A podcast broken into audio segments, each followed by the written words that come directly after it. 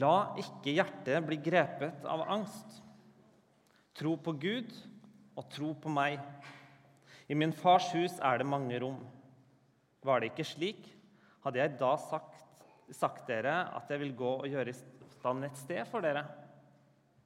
Og når jeg har gått og gjort et stand et sted for dere, vil jeg komme tilbake og, og ta dere til meg, så dere skal være der jeg er. Og dit jeg går, vet dere veien. Thomas sier til ham, 'Herre, vi vet ikke hvor du går. Hvordan kan vi da vite veien?' Jesus sier, 'Jeg er veien, sannheten og livet.'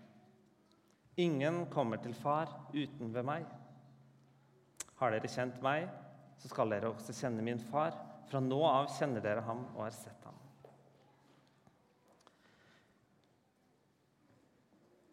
Jeg tar og ber bønn.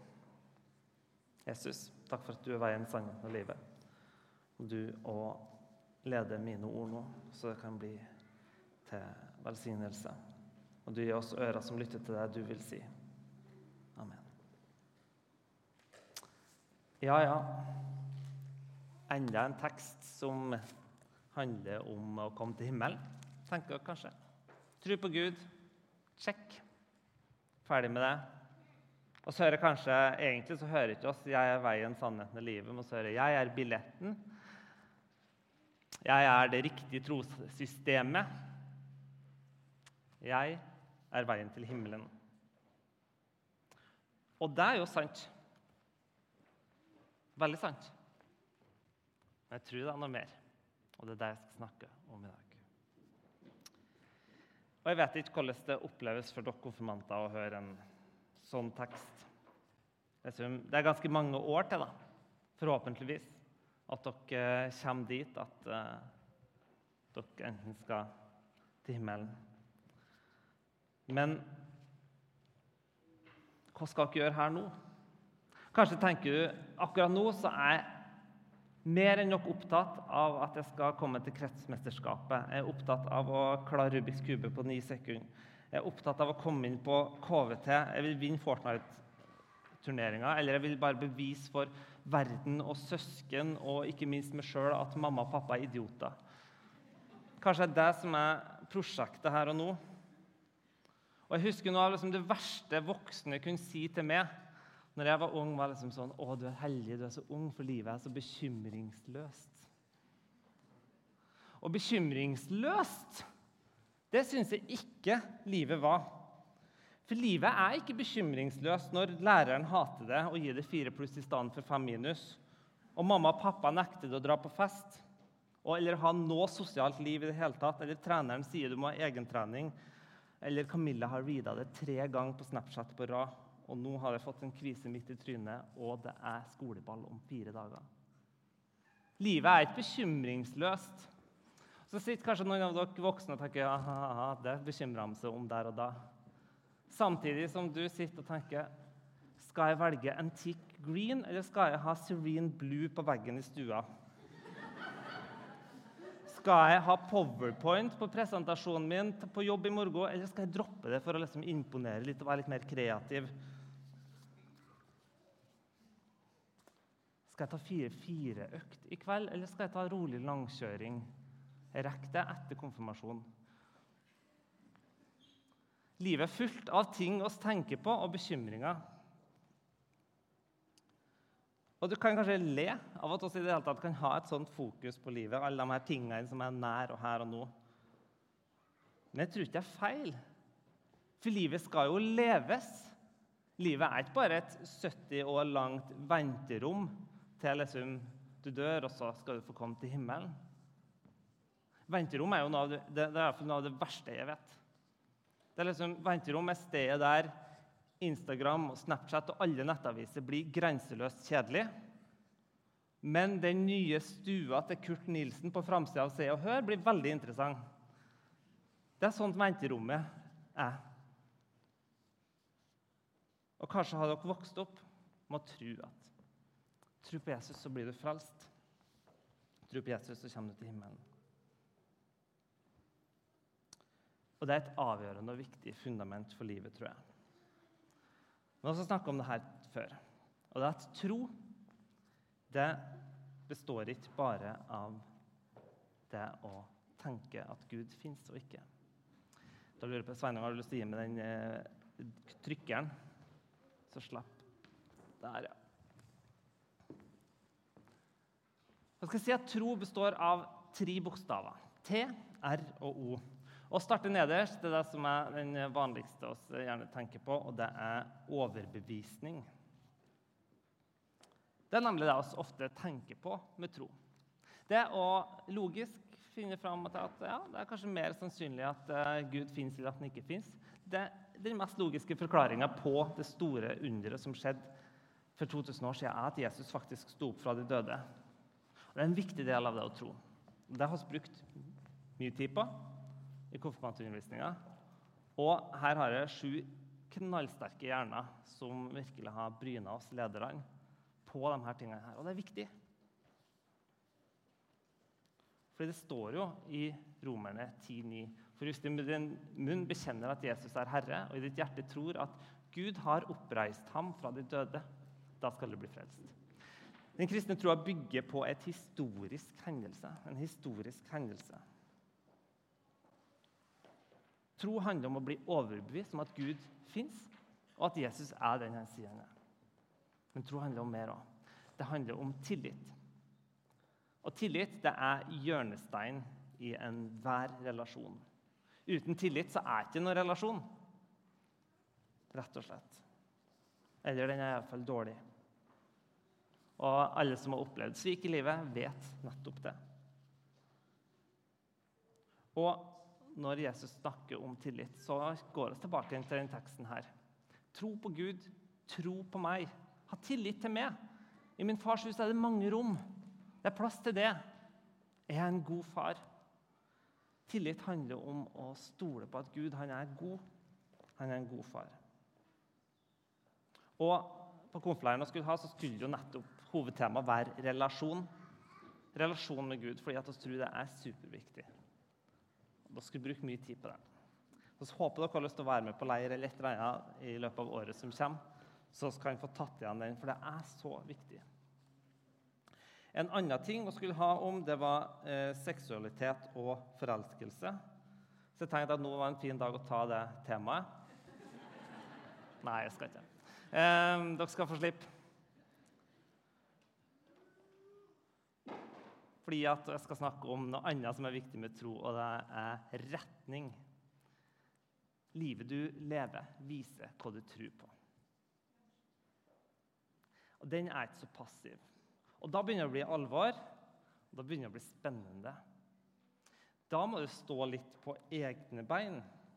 Da kan du ikke bare lene deg på alt det som du har fått med deg hjemmefra. Kanskje har du vokst opp med alle argumenter om at Gud finnes, og at Jesus sto opp fra de døde. Kanskje har du vokst opp, og det håper jeg, altså vokst opp med en fortelling om en god far som tar imot det uansett.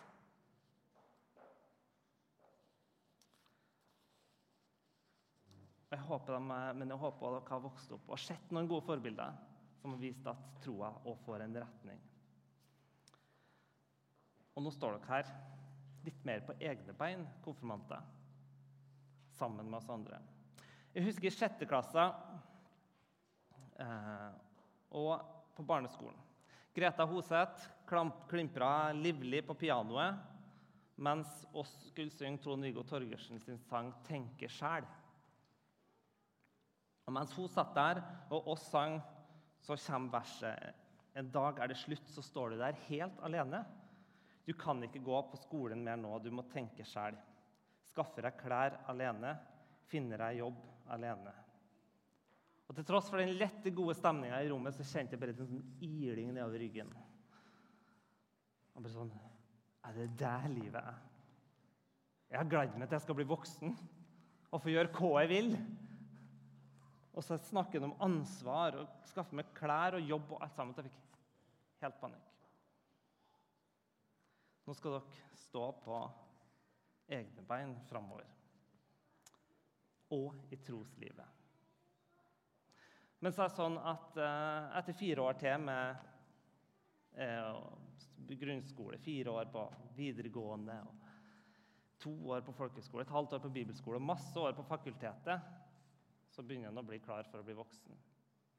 Og det samme er det litt med trua.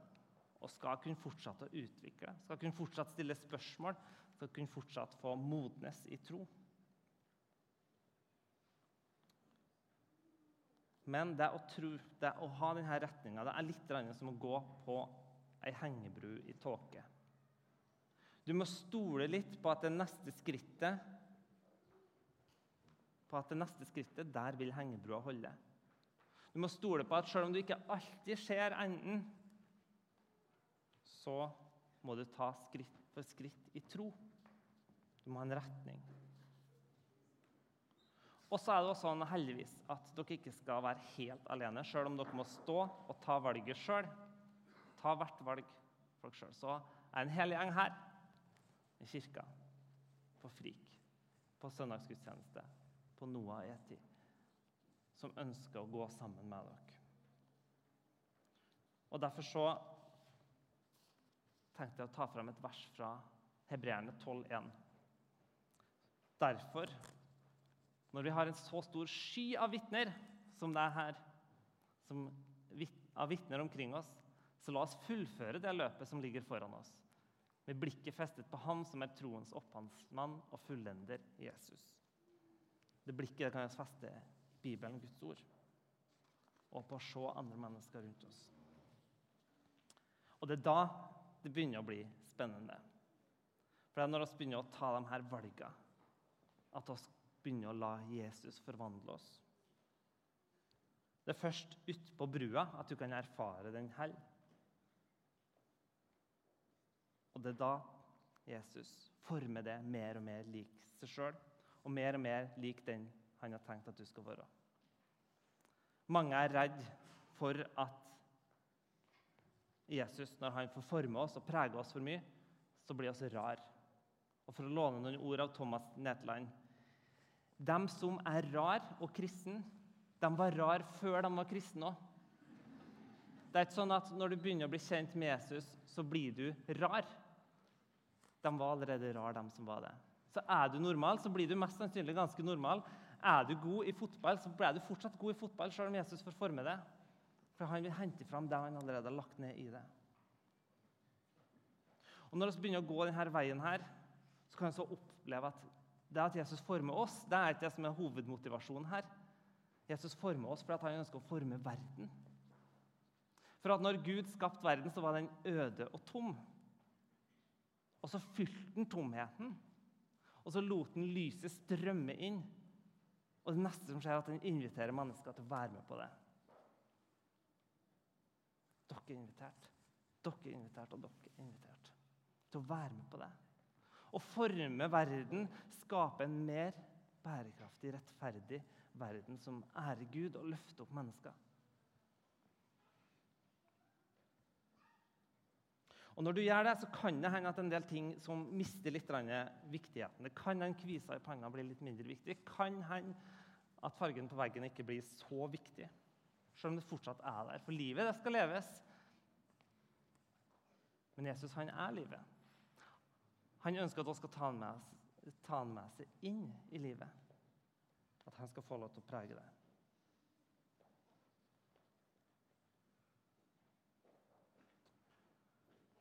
Men så er det sånn at det å følge Jesus det kan noen gang være krevende. Ikke bare kan det å følge Jesus være krevende, det av livet kan være krevende. Og Selv om jeg tror at det funker å følge Jesus, det har gjort det i 2000 år Det har funka for meg, og det funker for en hel bråte av mennesker her. Så er det noen gang livet er skikkelig dritt. Noen gang Så må han ta en ufrivillig knebøy på scenen. Noen gang så sitter dere på et hotellrom i Kambodsja med rennerev og spysjuke og lurer på om det fins en god gud. Noen ganger så er dere helt alene og ikke aner om det er noen som er glad i dere. Noen ganger så har du mista alt. Du mista dem du brydde deg mest om. Noen ganger er du svikta. Og mens andre selvhjelpsbøker, religioner, influensere alt sammen kommer med løsninger Du må gjøre sånn, du må gjøre sånn, du må gjøre sånn. du må gjøre sånn. Så Gud en annen natur. For Gud han var ikke den som sa bare, bare gjør det og det og det, så ordner det seg. For Gud så at verden var korrupt. Gud så at verden har lidelse. Så Gud kom. Lot lyset bryte fram. Og når Jesus beskriver Gud